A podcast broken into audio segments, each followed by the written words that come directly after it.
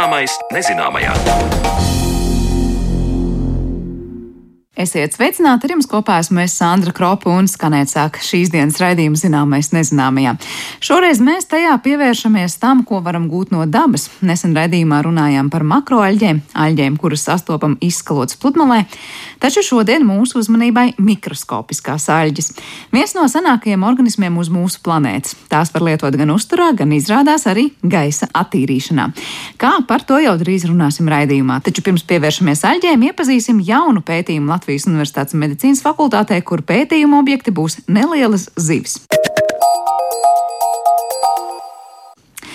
Lai izpētītu, kā audzēju šūnas reaģē uz pretvēža medikamentiem, Latvijas Universitātes medicīnas fakultātē tiek uzsākts jauns pētījuma projekts, kas paredz fakultātē izveidot zebrzivtiņu laboratoriju. Šie dzīvnieki daudzās pasaules laboratorijās tiek izmantoti kā modeļu organisms pirmskliniskajā izpētē. Cilvēka slimība ir gandrīz tikpat unikāla kā pats cilvēks, un tāpēc ir svarīgi meklēt individuālu ārstēšanas pieeju, ko sauc par personalizēto medicīnu. Zebrzivtiņu modeļi varētu palīdzēt ātrāk un precīzāk nokļūt pie atbildes, kādas zāles pacientam jālieto, tā skaidro Latvijas Universitātes medicīnas fakultātes vadošais pētnieks Vadims Parfējevs. Ar viņu par un ap šo pētījumu sarunājās mana kolēģe Zana Lāca Baltalksne. Zebrzīvis - nelielas karpu dzimtas zivtiņas, kuras savu nosaukumu ieguvušas pateicoties horizontālām tumšām svītrām uz visa ķermeņa, kas atgādina zebru krāsojumu. To dzimtene ir Dienvidaustrumāzija, bet tās ir izplatītas un viegli uzturamas akvāriju zīves visā pasaulē. Un jau pirms aptuveni 40 gadiem šīs peldošās radībiņas sāka izmantot medicīniskiem pētījumiem, jo izrādās tām gēnu līmenī ir daudz kas kopīgs ar cilvēku. Tāpēc arī Latvijas Universitātes medicīnas fakultātē šobrīd notiek gatavošanās šo zivju iekārtošanai laboratorijā, lai nākamā gada sākumā varētu sākt pētījumus, kas ļautu piemērot labāku zāļu devu un veidu aizkuņģa dziedzera audzēja gadījumā. Par to, kā notiks šie pētījumi un kāpēc zebra zīltiņas ir labāks pētījuma objekts salīdzinot ar laboratorijas pelēm, stāsta Latvijas Universitātes medicīnas fakultātes vadošais pētnieks Vadims Parfējevs. Zebra zīltiņas, protams, stipri atšķirās no cilvēka, bet tas arī ir mugurkaulnieks.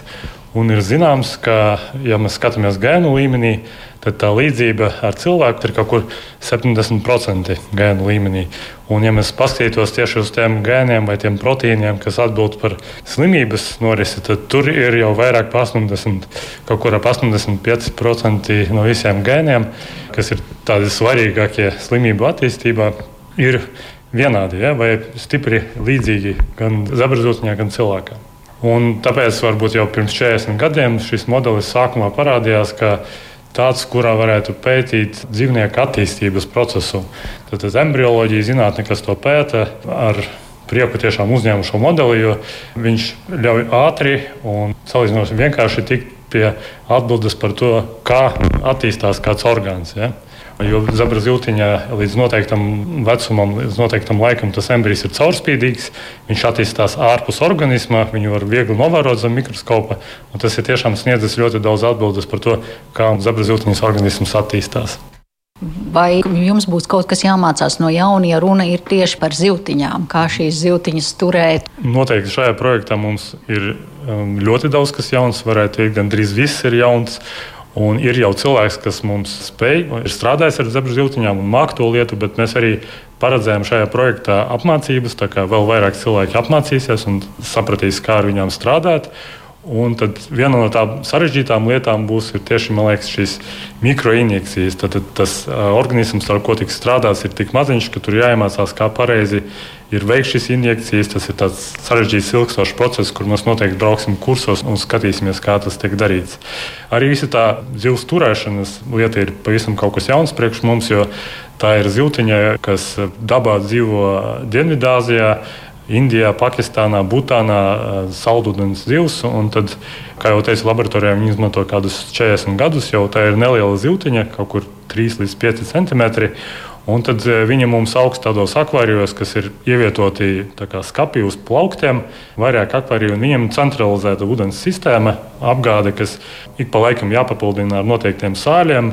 Tad tās zīltiņas ir katru dienu jābaro. Sanāk, ka mums katru dienu kāds cilvēks nāks uz laboratoriju un iedos viņam nedaudz ēst, pat pāris reizes dienā. Tā kā mums būs nedaudz jāpārkārtojas ja, šim uzdevumam. Par tām injekcijām zīltiņas taču dzīvo ūdenī. Kā, mm -hmm. kā notiks šīs tas, ko jūs minējat, mikroinjekcija un zīltiņa ir ūdenī? Notiek vispār, man pat jāsaka, ja mēs tējam tā tehniski detaļās, tad šie pētījumi pārsvarā tiek veikti principā uz apaugļotiem zivs ikriem. Tas ir kaut kas pavisam maziņš. Ja? Un tad pēc apaugļošanas, pēc parošanās, pārsvarā zivtiņa Iznēs ikrus, jā, jā iznēs ikrus, kaut kur simts, varbūt pat vairāk ikru, kas ir apaugļoti. Un tieši tajā brīdī, īstenībā, pirmajā dienā jau pēc apaugļošanas, ir parādīts, ka pētnieki ienes tur kaut kur simts, varbūt auzēja šūnas, un viņas tās šūnas attīstās līdz ar to, ar to embriju, līdz kaut kādam noteiktam laikam, varbūt piektā vai astotā diena, kamēr tas embrijs vai tas kāpuriņš, tā būtu pareizāk viņu saukt, vēl ir caurspīdīgs, un kamēr tā imunā sistēma vēl tās šūnas neatgrūž. Ja? Tad tajā īsajā laika posmā ir mēģināts kā, saprast, kā tās audzēšanas tur uh, attīstās. Notiek arī tas zāļu skrīnings, kad tieši ūdenim tiek pievienotas zāles un tiek pārbaudīts, kā tās šūnas rēģē uz tām zālēm. Un, ja mēs tagad skatāmies uz pētījumu, pie kura jūs drīz vien ķersieties klāt, intervija notiek laikā, kad es saprotu, viss vēl ir ceļā, gan zīltiņas, gan laboratorijas iekārtas. Ja mēs runājam par pretvēža medikamentiem, vai tie jau to jūs esat arī šeit pat radījuši? Šobrīd mēs atrodamies tādā agrīnajā stadijā. Viens no šī projekta uzdevumiem ir izveidot laboratoriju, kas audzētu zebra zīltiņas un kas sāktu strādāt ar viņām. Jo līdz šim, vismaz, cik man zināms, Latvijā neviens ar šo organismu nestrādā. Un tad eh, tas projekta mērķis ir pēc tam, kad šis modelis ir ieviests, ir izmēģināt tādu pieeju, kas saucās zāļu skrīnings, ja tā varētu saukt šajā zebra zīltiņa modelī. Tad mēs skatītos, kā attīstās audzēšanas šūnas zebra zīltiņā un pārbaudītu noteiktu pretvēža medikamentu jūtību šajās zīltiņās. Un tas galvenais mērķis, uz ko iet daudzās laboratorijās visā pasaulē, ir tāds. Pacients ienāk, piemēram, slimnīcā Un ārstam vienā brīdī ir jāpieņem lēmums, kāda terapija viņam būtu jānozīmē. Vai viņam jāizmanto šādas zāles vai šādas, jo audzēji ir ļoti dažādi, ja, tāpēc viņus arī tik grūti ir ārstēt. Un tad ārsts izdara tā, ka viņš paņem mazu uh, gabaliņu, fragment, jeb biopsiju no audzēja, nosūta pētniekiem. Viņi šo audzēju fragmentu nedaudz pavairo, un tad audzē zīltiņās kādu brīdi un skatās, cik jūtīgas ir šīs zāles šajā modelī, un tad piedāvā ārstam atbildi. Mēs domājam, ka šajā gadījumā laba atbilde būtu tieši uz šīm zālēm. Ja? Tā, protams, ir nākotnē. Neviens šobrīd to vēl nedara. Ir tikai viens pagaidām klīniskais pētījums, kas ir uzdevis šādu jautājumu, un kur tiek mēģināts saprast, cik efektīvi ar šādu modeli var pateikt, vai zāles ir efektīvas vai nē. Šajā projektā mēs noteikti to nesasniegsim, bet mēs vismaz liksim tos pamatus šim virzienam, lai tas varbūt nākotnē varētu tikt Latvijā izmantots. Tādi mēģinājumi izmantot uh, zebra zīltiņas kā rīku, lai pateiktu, vai atbild uz zālēm ir atbilstoši tam, ko pacients teiksim, piedzīvo. Sākās jau 2000. gadu vidū ar uh, taisnās zarnas vēža pētījumiem. Un uh, arvien vairāk parādās pētījumi, kas mēģina kaut ko līdzīgu darīt, bet, kā jau teicu, līdz klīnikai ir nonācis tikai viena laboratorija, ja, kas ir aizvedusi tik tālu, ka ir uh, uzsākts pirmais klīniskais pētījums. Runa ir par jau esošām zālēm, kuras izmanto ķīmijterapijā, ārstējot aizkuņa dziedzera audzēju, lai varētu noteikt, kuri medikamenti konkrētā gadījumā ir jādod konkrētam pacientam. Bet, kā jau Vadims Parfējos minēja, tā vēl pagaidām ir medicīnas zinātnes nākotne. Tikām atgriežoties pie pētījuma modeļiem zebrzivtiņām, jau tagad ir skaidrs, ka šīs zivis ir pateicīgāks pētījuma materiāls, piemēram, salīdzinot ar laboratorijas pelēm. Pirmkārt, pētījums aizņem mazāk laika, salīdzinot ar ierasto peļu modeli. Atbild par to, cik jutīgas ir šūnas pret zālēm, var iegūt daudz ātrāk. Finansiāli pētījums ir ekonomiskāks, jo šīs zīltiņas ir vieglāk uzturēt kā laboratorijas grauzējus, un pats galvenais, kā jau sākumā tika minēts, zebra zīltiņu šūnas ir daudz līdzīgākas cilvēka šūnām, un tāpēc atbilde par kāda medikamenta pielietošanu ir daudz precīzāka un konkrētāka. Zebrzivtiņas pētniekiem var palīdzēt labāk saprast un izpētīt ne tikai aizkuņa dziedzera terapiju, bet arī jautājumus par audu atjaunošanu. Par to turpina Vadims Parfējevs.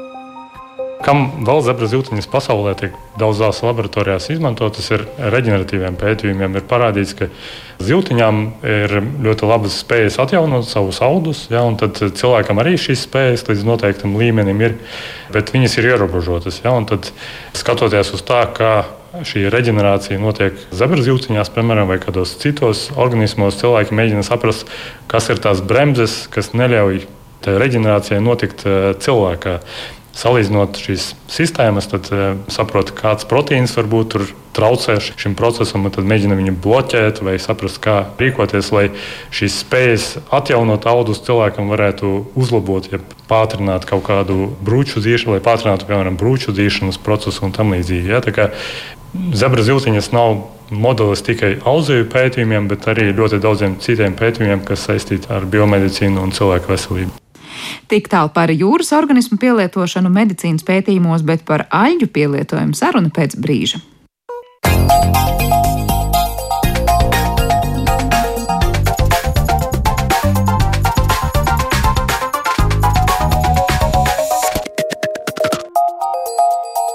Zināmais nezināmajā.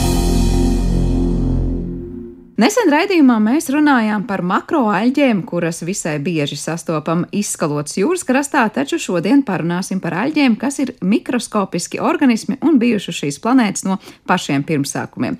Kādi varētu būt mūsdienīgi pielietojami mikroaļģiem un ko šajā jomā dara pētnieki Latvijā? Par to visu mēs runāsim ar mūsu šīs dienas studijas viešņām, un pie mums šodien ciemos ir Alisa Jēkabsone, maģistrs, tātad eh, mākslas maģistrs un Agnese Stunda Zujeva, inženierzinātņu doktora. Labdien jums! Abām! Labdien. Es Labdien. sākšu ar to, kāpēc par aļģiem runājot, mums kopā sanāk gan mākslas, gan inženierzinātņu cilvēki. Varbūt tālāk es varu sākšu ar to, kāds sakars mikroaļģiem ar mākslu. Um, jā, nu mums, uh, lai attīstītu dažādus produktus, ir nepieciešams pārklāt šīs uh, zināšanas no dažādiem uh, aspektiem, kas varbūt ir māksla. Manā gadījumā es pabeidzu funkcionālā dizaina. Uh, kursu, un, uh, un, un, un man vajad, ne, bija nepieciešams zinātnisks pamatojums manam, manai idejai. Uh, līdz ar to uh, skatījos, kas Latvijā nodarbojas ar mikroļu audzēšanu, un atradu Agnesi. Kuru arī uzrunāju, jautāju, vai viņai ir vēlme un laiks gan konsultēt, gan dot padomu, un varbūt nākotnē, ja šis, šī ideja aiziet tālāk, arī tajā vairāk iesaistīties jau kā komandas Var teikt, sanāca atrast dzirdīgas ausis eh, Jā. zinātnes pusē. Jā. Agnes, man jautājums, eh, es zinu, ka ar mikroaļģiem ir sanācis darboties un stāstīt par to arī iepriekš, bet es saprotu, ka tieši spirulīna ir konkrēta aļģe, kuras vārdā notiek ļoti dažādi pētījumi un produkti izstrādāt Latvijā. Vai kāda ir tā zinātnes iesaist mikroaļģu pasaulē? Jā, mikroaļģis ir daudz un dažādas, bet man uzmanība ir tieši uz spirulīnu, jo nu, katrai, tā kā tās ir mikroskopiskās aļģis, viņām šīs prasības, nu, es pieņemu, ka arī tomātu un gurķu audzētājiem ir sava specifika, un tāpēc es esmu profilējusies tieši uz spirulīnu, man liels prieks, jā, jo spirulīnu var pielietot ļoti dažādos veidos, ne tikai pārtikā, kas ir mans šī brīža rakurs, bet jā, šobrīd šis CO2 absorpcijas jautājums gan industriāli, gan telpās ir ir ārkārtīgi aktuāls. Tāpēc man liels prieks, ka Alis ir izvēlējusies šādu uh, ceļu iet, jo uh, inženieris var uztaisīt, nu, teiksim, mums ir industriāla tipa reaktors, kurus mēs paši būvējam, lai tā spirulīna varētu Latvijā augt, jo tas ir tropiskā mikroaļģe. Uh, savukārt, lai to nolikt istabā, tam ir jābūt skaisti. Tāpēc es priecājos, ka Alis kā mākslas pārstāvis tam ir pieķēries. Jā, par to, kādi ir tie risinājumi un tālākās idejas un ieceres mēs parunāsim, bet vispirms es par tām mikroaļģēm gribēju viest skaidrību. Uh, varbūt daudziem klausītājiem var likties, nu, tās ir tās pašas aļģes, tikai maziņas vai, vai, vai mazā versijā. Varbūt Agnēs var izstāstīt, nu, tu teici, ir dažāda un liela šī mikroaļģu pasaule. Kādas tās ir, ar ko tās atšķiras un kāpēc visticamāk mēs vienkārši nevaram teikt, ka tās ir tās pašas aļģes, ko esam ieraduši redzēt tikai mazā, mazā versijā? Uh, nu, pirmkārt, būtu jāsaprot, ka bioloģijā nav tāds, uh, nu, teiksim, uh, mēs, kad runājam par sauszemes augiem, mēs saprotam, ka koki, ziedaugi, mazie, kaut kādas bietas ir kardināli atšķirīgi augi. Un mēs uz sauszemes tos visus saucam par augiem. Un ir jāsaprot, ka aļģes ir tieši tikpat ļoti, ļoti plaša auga nu, jā, augu grupa, kas dzīvo ūdenī vienkārši. Ūdensrozes ir tāds hibrīds, kā viens biologs jokoja. Augi izkāpa sauszemē, jo aļas bija pirmās. Uh, un tad, kad viņi saprata, ka sauszeme ir pārapdzīvota, tad ūdensrozes iegāja atpakaļ. Jā, bet um, principā tāpēc nevar teikt, ka uh, visas lielās aļas ir vienādas un visas mazās aļas ir vienādas. Ir vairāk nekā 70 tūkstoši sugu. Un, tā ir milzīga dažādība, sākot no vienšūņiem, pēc formām, kvadrātiski apaļi, diegveida, laiviņa veida. Un, teiksim, ja makroāļģes arī var būt tās, ko mēs zinām, Baltijas jūrā, tādas nu, nepārāk lielas, bet ieraugāmas. Tad savukārt Atlantijas okeānā auga brūnaļģes, kas ir līdz pat 70 metriem augstas. Nu, tiešām sajūta kā mežā. mežā. Jā. Tāpēc tā daudzveidība ir milzīga. Bet par mikroaļģiem runājot, un tās, kas ir tiešām ļoti mazas un mikroskopiskas, ar ko tās ir nu, piesaistījušas gan pētnieku uzmanību, gan arī mākslinieku uzmanību. Proti, tu pieminēji šo CO2 piesaisti. Es saprotu, ka arī veselībai, pārtikā, es domāju, daudz un dikti citi vēl pievienotās vērtības produkti, kas ir padomā.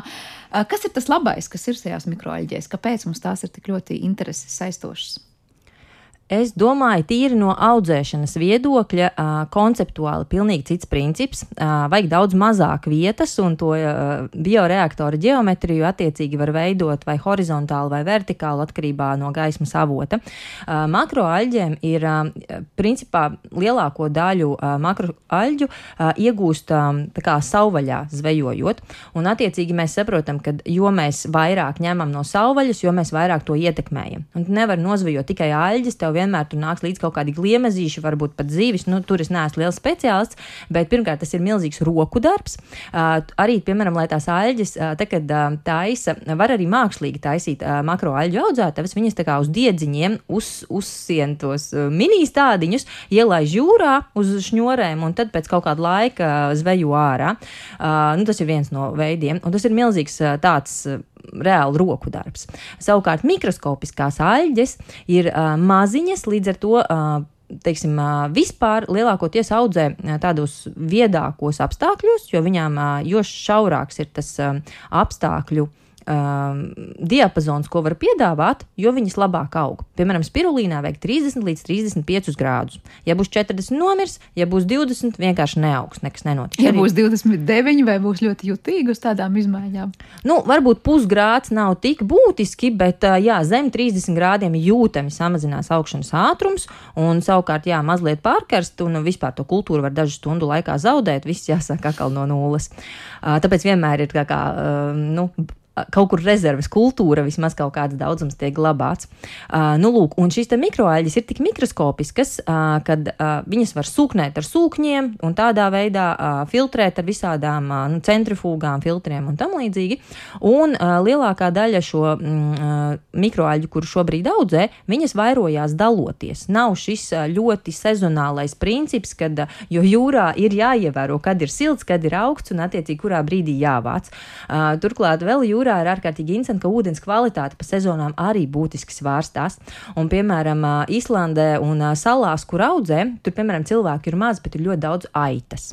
Un tad, kad ir lielās lietus gāzes, fekālijas saplūst piekrastē, un tur ir ešerichija coli, tātad caurais baktērija. Uh, nu, lūk, un tajos brīžos viņi nevar vākt ražas, un viņiem ir ļoti daudz ierobežojumu. Savukārt, ja tev ir slēgta tvērtne, kurā tu maksimāli spēj kaut ko kontrolēt, nu, kaut vai to, no kurienes nāk ūdens. Jo uh, mikroskopiskās aļas ir divi veidi. Primitīvākais ir audzēt piemājas dīķos, Bet nu, tāpat kā basēnam, mēs varam kontrolēt ūdeni, un kad tur nepeld vārdas un zivis, uzklāt kaut kādu pārklāju, lai nekrīt iekšā lapas. Tad līdzīgi ir arī ar mikroaļģiem. Un tad ir tas advanced levelus, kā, nu, augstāka līmeņa bioreaktori jau, uz kuriem mēs ejam, jo Latvijā klimats nav pateicīgs. Mums pat vasara ir ļoti svārstīga, te 15 grādi un apmācies, te plus 30 un ļoti saulains. Līdz ar to ir šie slēgtā tipa reaktori, kas bieži atrodas iekštelpās, un attiecīgi tur var ļoti labi nokontrolēt gan barības vielu piegādi, gan visu pārējo, un tad attiecīgi mēs zinām, cik daudz viņas ir jāpiebaro, kurā brīdī jāvāc raža, un industrijai ir ārkārtīgi svarīga šī prognozējamība. Protams, lai zinātu, ka pēc nedēļas, un pēc mēneša, un pēc gada pat būs tieši tik, cik, cik vēlams. Alisē, jautājums, kādi tie reaktori ir, nu, ne gluži zinātnieku laboratorijās, kādas ir tās idejas un jau realizācijas, kur tās aļģis tiek audzētas un cik skaisti tas izskatās? Jā, mums ir uh, uztaisīti trīs prototipi šobrīd, kas ir, uh, principā, tie ir tie paši reaktori, vienkārši skaistāki un, un vairāk piemēroti interjer, kā interjera elements arī. Bet kāds izskatās un, kā kaut kāds uh, zivtiņu baseins nē, vai nē, nē, nē. Nu, bet īstenībā daudzi jā, tur jautā par zivtiņām, iespējams tur viņām dzīvot. Tas ir divas uh, caurspīdīgas kolonas, kurām pa vidu ir šī, uh, šīs smadzenes, kas ir slēgtas, uh, slēgtā telpā. Tur ir iekšā ir visa elektronika, gan uh, šie gaisa pumpji, gan uh, temperatūras sensori, kas, uh, kas uh, silda šo biomasu. Un, Un tāds viss eh, kopā, kopā strādā. Un šobrīd mēs esam sākuši pētīt, kā mums um, jau, ja mēs koncentrējamies šobrīd uz oficiāliem, kā mums oficiālā vidē uh, šie, šie LG3 objekti iekļaujās eh, gan no tādas lietojamības, kā cilvēkiem.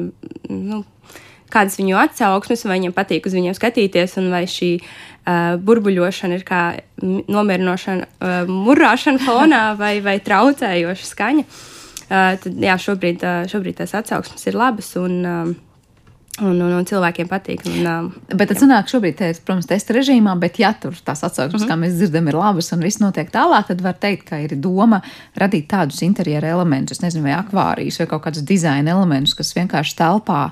Es nezinu, cik liela beig beigās būs un kādu devumu dos, bet audzēs šīs mikroaļģes, kuras pēc tam var izmantot dažādos veidos. Um, būs... Šobrīd mēs koncentrējamies uz to, ka tas augušo biomasu var izmantot kā, kā mēslojumu augiem. Pagaidām mēs nekoncentrējamies uz, uz neko citu.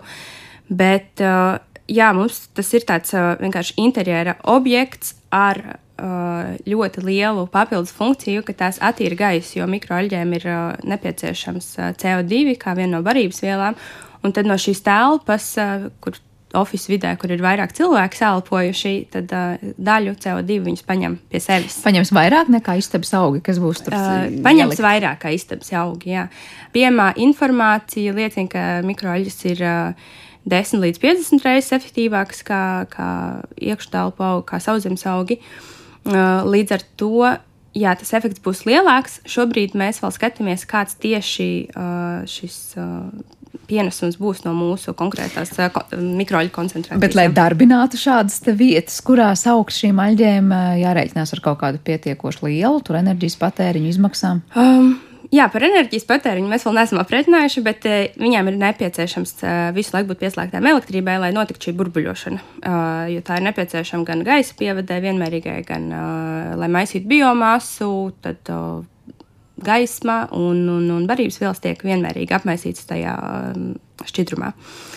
Uh, tas ir kaut kas, jā, ar ko ir jārēķinās. Uh, mums ir uzstādīti sensori, ka uz vakaru, kad visi ir aizgājuši projām, gaisma izslēdzās, aļģiem arī ir jāpaguļ.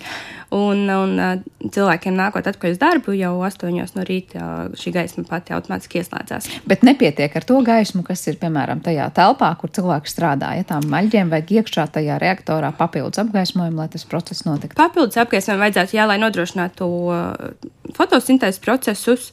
Uh, Iepriekš mēs esam mēģinājuši arī audzēt, arī bez gaismas, papildus gaismas padeves. Tas gan nu, tieši vasara beigusies, un vasarā mums ļoti labi gāja.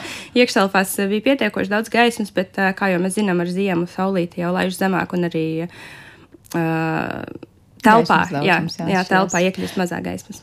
Jā, bet ir jārēķinās ar to, ka cilvēkiem būtu īpaši jāpieskata tās aļģes, kā tās auglē tur neveidojas kaut kādas smakas, vai tur īpaši ir jātīra tādi dizaina elementi.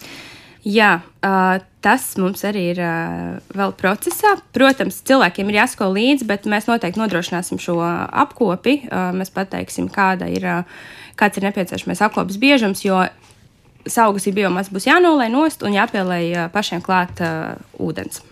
Jā, tāds īpašs, var teikt, dzīves organisms. Jā, jā par kuru ir jārūpējas. Par viņu ir jārūpējas, bet uh, pārāk daudz uz to klientam, lietotājiem mēs nevēlamies, lai viņš par to pārāk daudz domātu un iespringtu. Kā ir zinātniekiem šobrīd, lai audzētu šādas mikroaļas, arī ir ļoti, ļoti jāiespringst par to, cik daudz, kad tur kaut kas ne par daudz saduļķojas, kā jāpieskata, vai tā ir tāda viegla lieta, laikietilpīga un dārgietilpīga lieta, vai daudz izaicinājumu. Nu, jāsaka, mūsdienu, kad cilvēki ir Z paudze un ļoti nepacietīgi, tad um, es uh, domāju, ka mikroaļģis ir tieši mūsu paudzē ļoti piemērotas.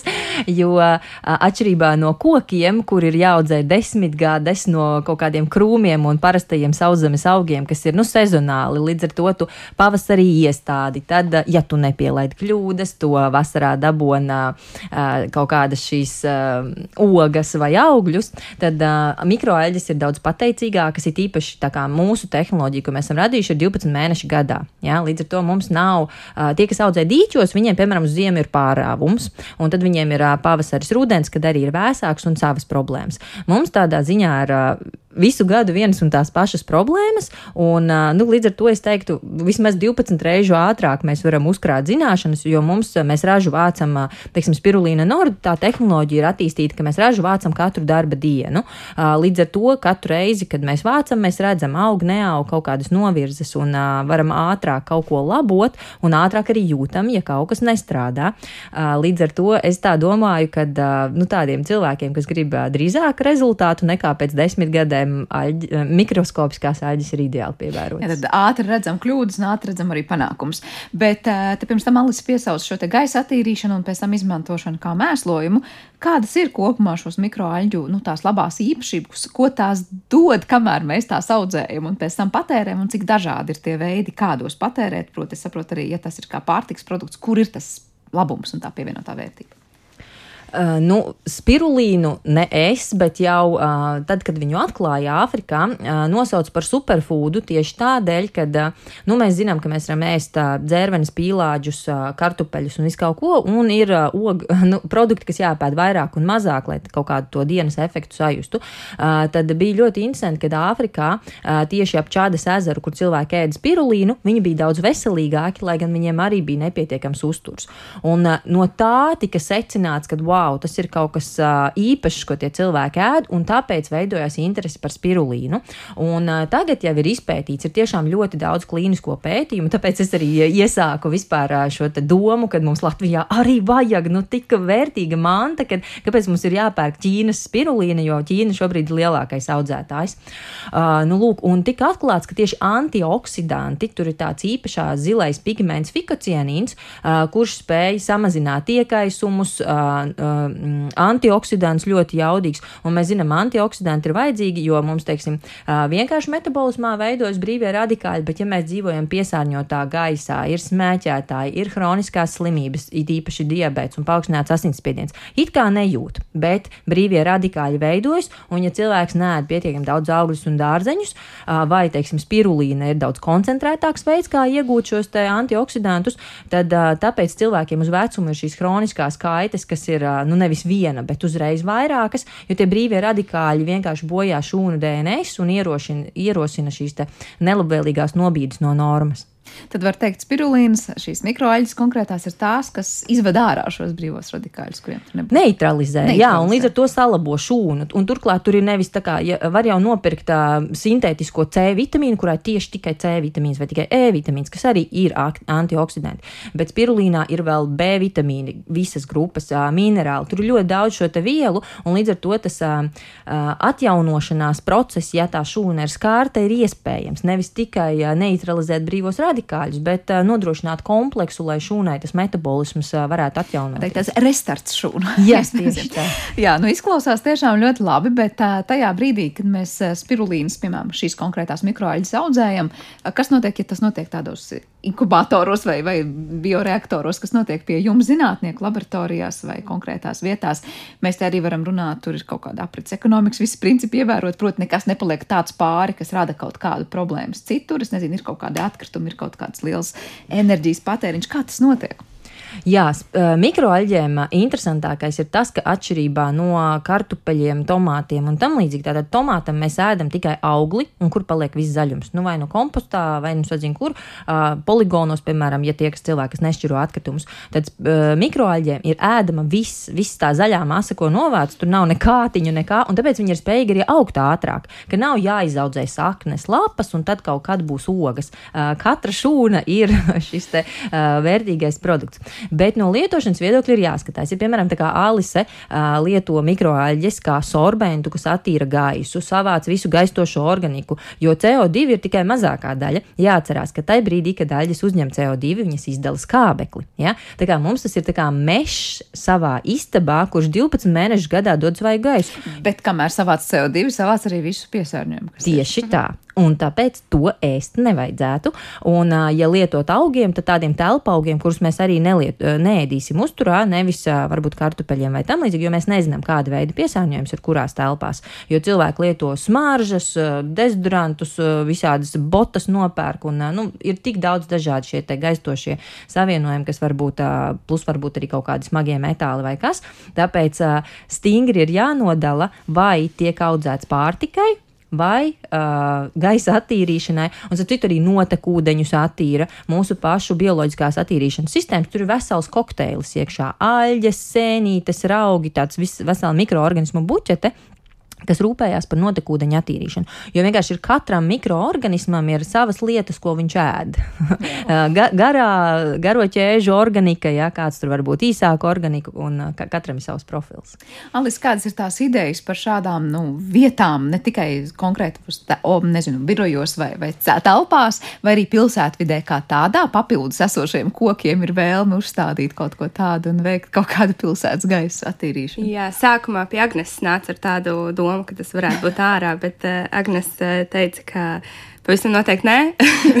Mūsu Latvijas apstākļi vienkārši ziemā vai augstajā periodā šīs aļģes iznīcinās. Tāpēc labāk ar um, pāriet uz iekštelpām un, un skatīties, ko mēs varam darīt uh, tur. Tā kā pārvilks stingrs vītru pār tā ideja radošai. Noteikti, bet... noteikti, ka var tur, bet uh, es domāju, ka tas būtu daudz lielāks izaicinājums. Nu, arī, ja mums ziemā ir mīnus 20 grādi, kā mēs nodrošināsim to, lai aļģēs iekšā ir uh, 30. Protams, jā. to, pat ja izdotos izdarīt, tad laikam tas efekts būtu daudz negatīvāks nekā jā, tas gaisa, ko attīrīt. Bet uh, ar iekštelpām, nu cik dažādi ir tie pielietojumi, kādas ir tās idejas, nezinu, cik daudz drīkst stāstīt par to, kur tās tālāk attīstīt un kādas varētu izskatīties nākotnes, es nezinu, dzīvojamās telpas un darba vietas? Jā, mēs, mēs eh, koncentrējamies uz telpām, kur ir uh, apgrūtināta uh, mehāniskā ventilēšana. Uh, kur, pieņemsim, pilsētas centros mums ir uh, grūti izveidot telpu, atverot logu, jo uh, vai tie ir laikapstākļi, vai tie ir ārēji piesārņotāji, kas gan gaisa piesārņotāji, gan skaņas piesārņotāji, kas mums no, nu, noraida šo vēlmi atvērt logu. Vai arī ir nepietiekams ventilēšanas sistēmas dažādos oficiālos, kas ir vienkārši jau novecojušas. Savukārt jaunākās, kas ir rekuperācijas sistēmas, kas šo gaisu ļoti labi cirkulē, tādos oficiālos šī gaisa kvalitātes problēma visdrīzāk nebūs. Tāpēc jā, mēs ejam vairāk uz vecākām ēkām, uz, uz birojiem, kas jā, nomā telpas. Uh, ēkās, kas ir vecākas par 2010. gadu. Tas būtu tāds uh, mūsu uh, tirgus lauciņš vairāk. Tas, kas ir jaunāks, tas varētu būt tāds vairāk. Um, dizaina objekts ar ne, nu, pievienoto vērtību. Tur var teikt tikai to mēslēm varētu radīt. Tur varētu, tur varētu jā, jā, tas varētu būt kā drīzāk mēslēms augiem. vai, vai jā, kaut kas interesants, kā, es nezinu, šķidrais kamīns arī ir mums tādi komentāri, nu, ka uz viņu patīkam skatīties, jo tur tie burbulīši iet, un kā tas ir dabas process, un mēs jau visi esam no dabas, un mums ir ieprogrammēts iekšā, ka mums šādi procesi ir patīkami acī. Bet ir tā, ka kaut kur citur pasaulē ir kaut kādi prototipi, kurus vienkārši liekas, nu jau viss ir izdomāts. Cik lielam kādam jābūt tam audzēšanas aparātam, vai te ir kaut kas jāizdomā pilnīgi no jauna, un savukārt to radot, mēs varam kaut ko piedāvāt arī citiem. Ir izaicinājumi, jā, katru reizi mums uh, ir kaut kas jauns jāizdomā, bet uh, ir arī uh, pasaulē šī tehnoloģija nav pavisam jauna. Uh, manuprāt, vecākais, ko es esmu atradusi, ir uh, kādus desmit gadus vecs, kas bija uh, mākslas vienālēs arī uh, šie mikroaļģu trauki izlikti izstādē, un, un, un tur var aiziet un kā iepūst aļģiem šo CO2 un viņas pabarot un, un pastāvī jā, telpā, kur ir kur ir svaigāks gaiss. Bet tā kā tas ir dzīves organisms, viņš prasa tiešām daudz izaicinājumu, ar kuriem mēs jau tagad saskaramies. Tādēļ man šķiet, šī tehnoloģija ir uh, vairāk izpētes stadijā nekā tirgu aizgājusi.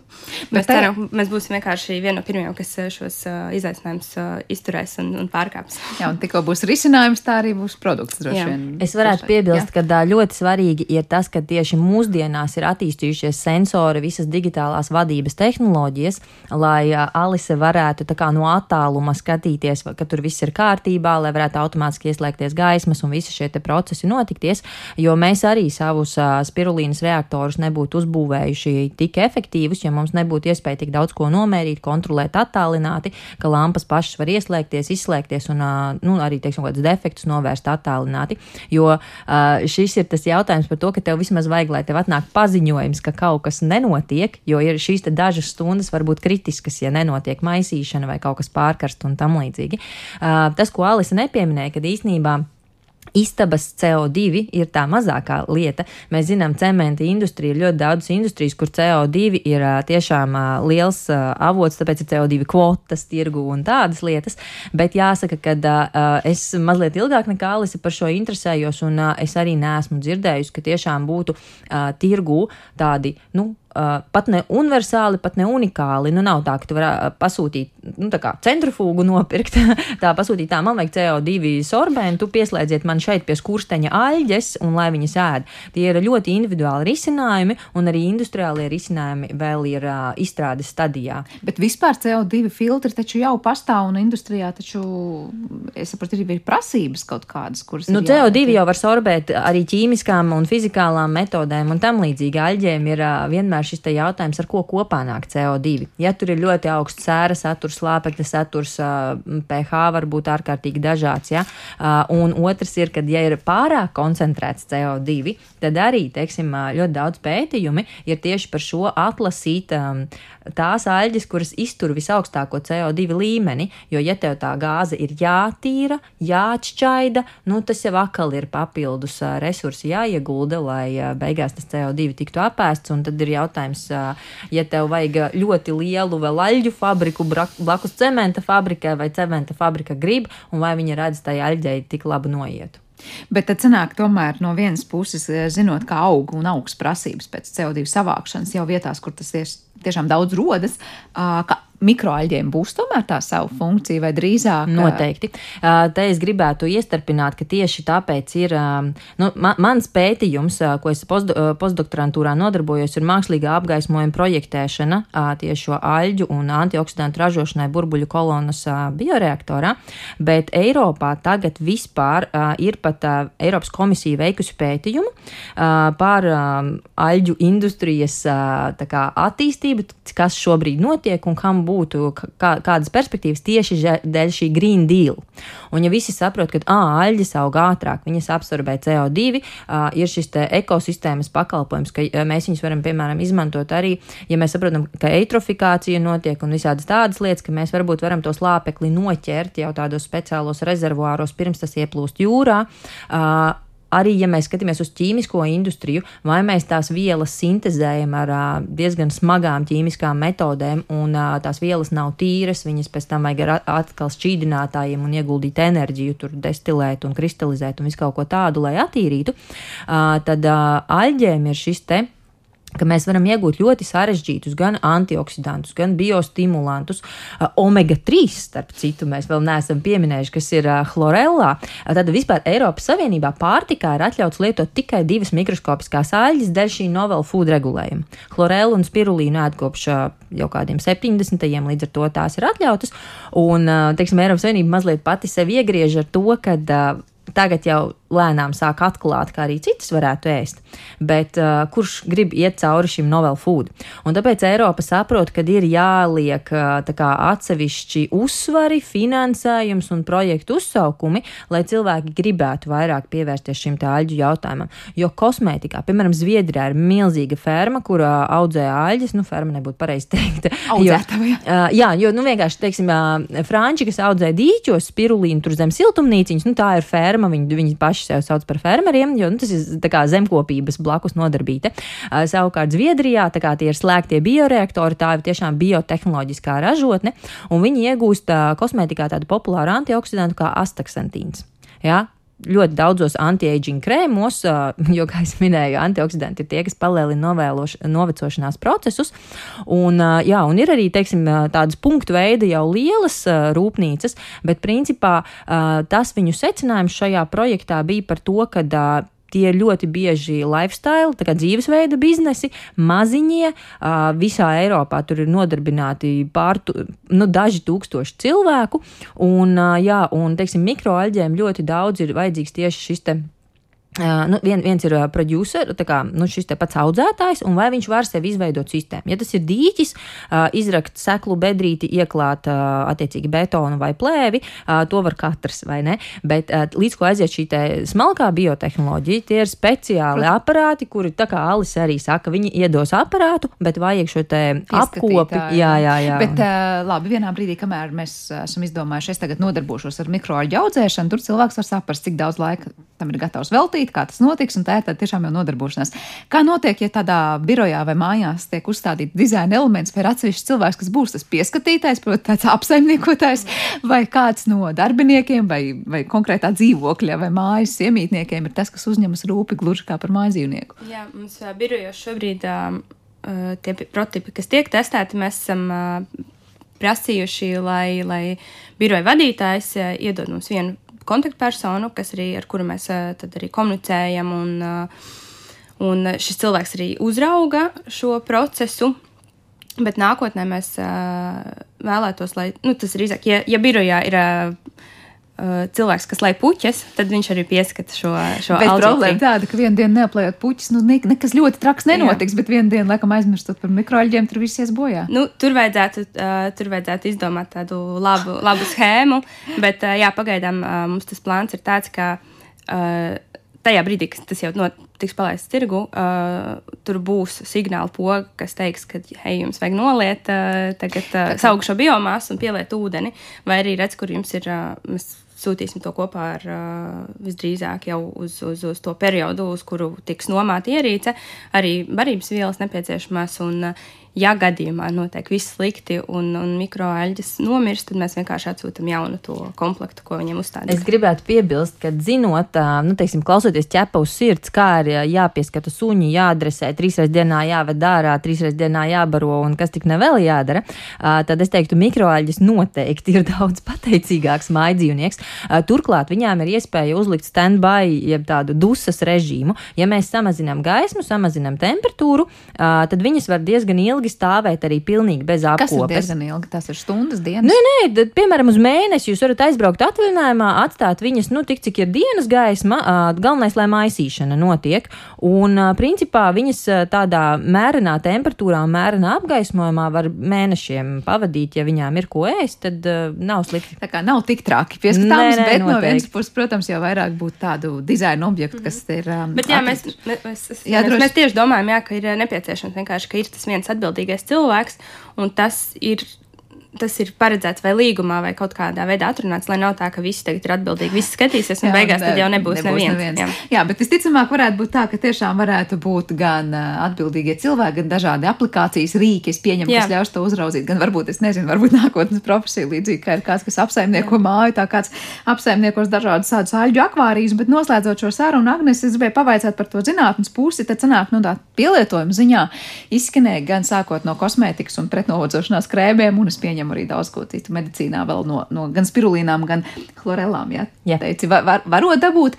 Tajā pašā laikā mēs runājam arī par risinājumiem tādām lielām industrijas objektiem, kur varbūt nebūs jādomā par to, cik skaisti izskatās pie skursteņa piestiprinās kaut kāds reaktors, bet proti kaut kas, kas ļaus samazināt CO2 izmešus apkārtējā vidē vai vienalga gaisā vai pirms nonākšanas ūdenī. Proti tie risinājumi ir gan ļoti, ļoti tehniski un tehnoloģiski, varbūt vizuāli pat nepievilcīgi, un tajā pašā laikā arī ēdami, dzerami, klājami uz sejas un daudz kur citur. Nu, es gribētu teikt, tieši tāpat kā ar sauszemes augiem, klāsts ir teju neierobežots un ko ar to var darīt. Vienīgi, nu jā, tas, ka biotehnologi, piemēram, nav tādu augstskolu, kur sagatavotu tieši aļģu biotehnologus. Labi, Eiropā ir pavisam dažas vietas, kur to var specializēt iegu, ie, iemācīties, bet nav tā kā lauksaimniecības universitāte, kur visi zina un tad specializējas, kurš audzēs mežus, kurš kartupeļus, kurš ko. Diemžēl aļģis vēl nav izpelnījušās tādu popularitāti vismaz Eiropā. Es pieņemu, ka Āzijā noteikti ir, jo tur gan šī aļģu ēšanas kultūra, gan viss ir daudz, daudz attīstītāks. Nu, Eiropa tagad mēģina domāju, uh, saņemties, jā, bet uh, ir 90. bija ļoti modē, ka vajag um, degvielas, piemēram, taisīt no aļģiem. Ok, tomēr izrādījās bišķiņi par dārgu un uh, šobrīd nav rentabli, bet visas šīs ķīmiskās vielas, kas ir, nu, gramos mērām vai, teiksim, kilogramos cenas ir simtos un tūkstošos, jo astaksantīns ir ļoti dārgs. Ja? Un, ja tu kilogramu spēj iegūt, tās cena ir kaut kāda 10 tūkstoši, varbūt pat vairāk. Ja? Līdz ar to uz šīm te uh, vērtīgajām vielām noteikti Eiropā skatās, mēģina attīstīties, un uh, es domāju, tam ir ļoti liela nākotne. Augstas pievienotās produkti ir tie, kā aļģis sev, mikroaļģis piesaka Eiropas vismaz pusē. Jā, bet te pašā laikā, ja mēs viņus iegūstam no notekūdeņiem, kad aļģis uzdevums ir apēst visas barības vielas, lai mēs iegūtu tīru ūdeni, uh, tad uh, samaksā tas, kurš ir ģenerējis netīru ūdeni. Savukārt tā aļģe, viņa varbūt nav izcila, bet viņa ir lēta, un tad viņu var izmantot kā šo te biomēslojumu un, nu, iespējams, iegūt kaut kādas citas vielas, kas nav ar tik augstām prasībām. Jā, tātad mikroaļģis tiešām ar savu pielietojumu un daudzveidību ir atvēruši sev durvis pasaulē, un prieks, ka ir zinātnieki un arī mākslinieki, kas uh, atrod dzirdīgas ausis šajā pusē. Tā kā tiešām interesanti, ka arī šeit ir viens no piemēriem, kur māksla un zinātne ir apvienojusies un radījusi kaut ko ļoti, ļoti būtisku un interesantu mums visiem, lai veicas ar visiem turpmākajiem gan pētījumiem, gan risinājumu meklējumiem un prototipu radīšanas procesā, lai veiksmi pavada. Atgādinu, ka šajā raidījuma pusstundā bijām kopā ar Alisu Jakobsonu, tātad mākslas maģistri, kā arī Agneses Sundu Zuju Krievija inženierzinātņu doktori. Ar to arī raidījums ir izskanējis, un par to parūpējās producenta Paula Gulbinska, mūzikas redaktors šajā stundā bija Girds Bišerims, kopā bija Sandra Kropa, bet skaņu režijā Kristīna Dēla. Vēlēšu mums visiem veiksmīgu dienu un uz tikšanos!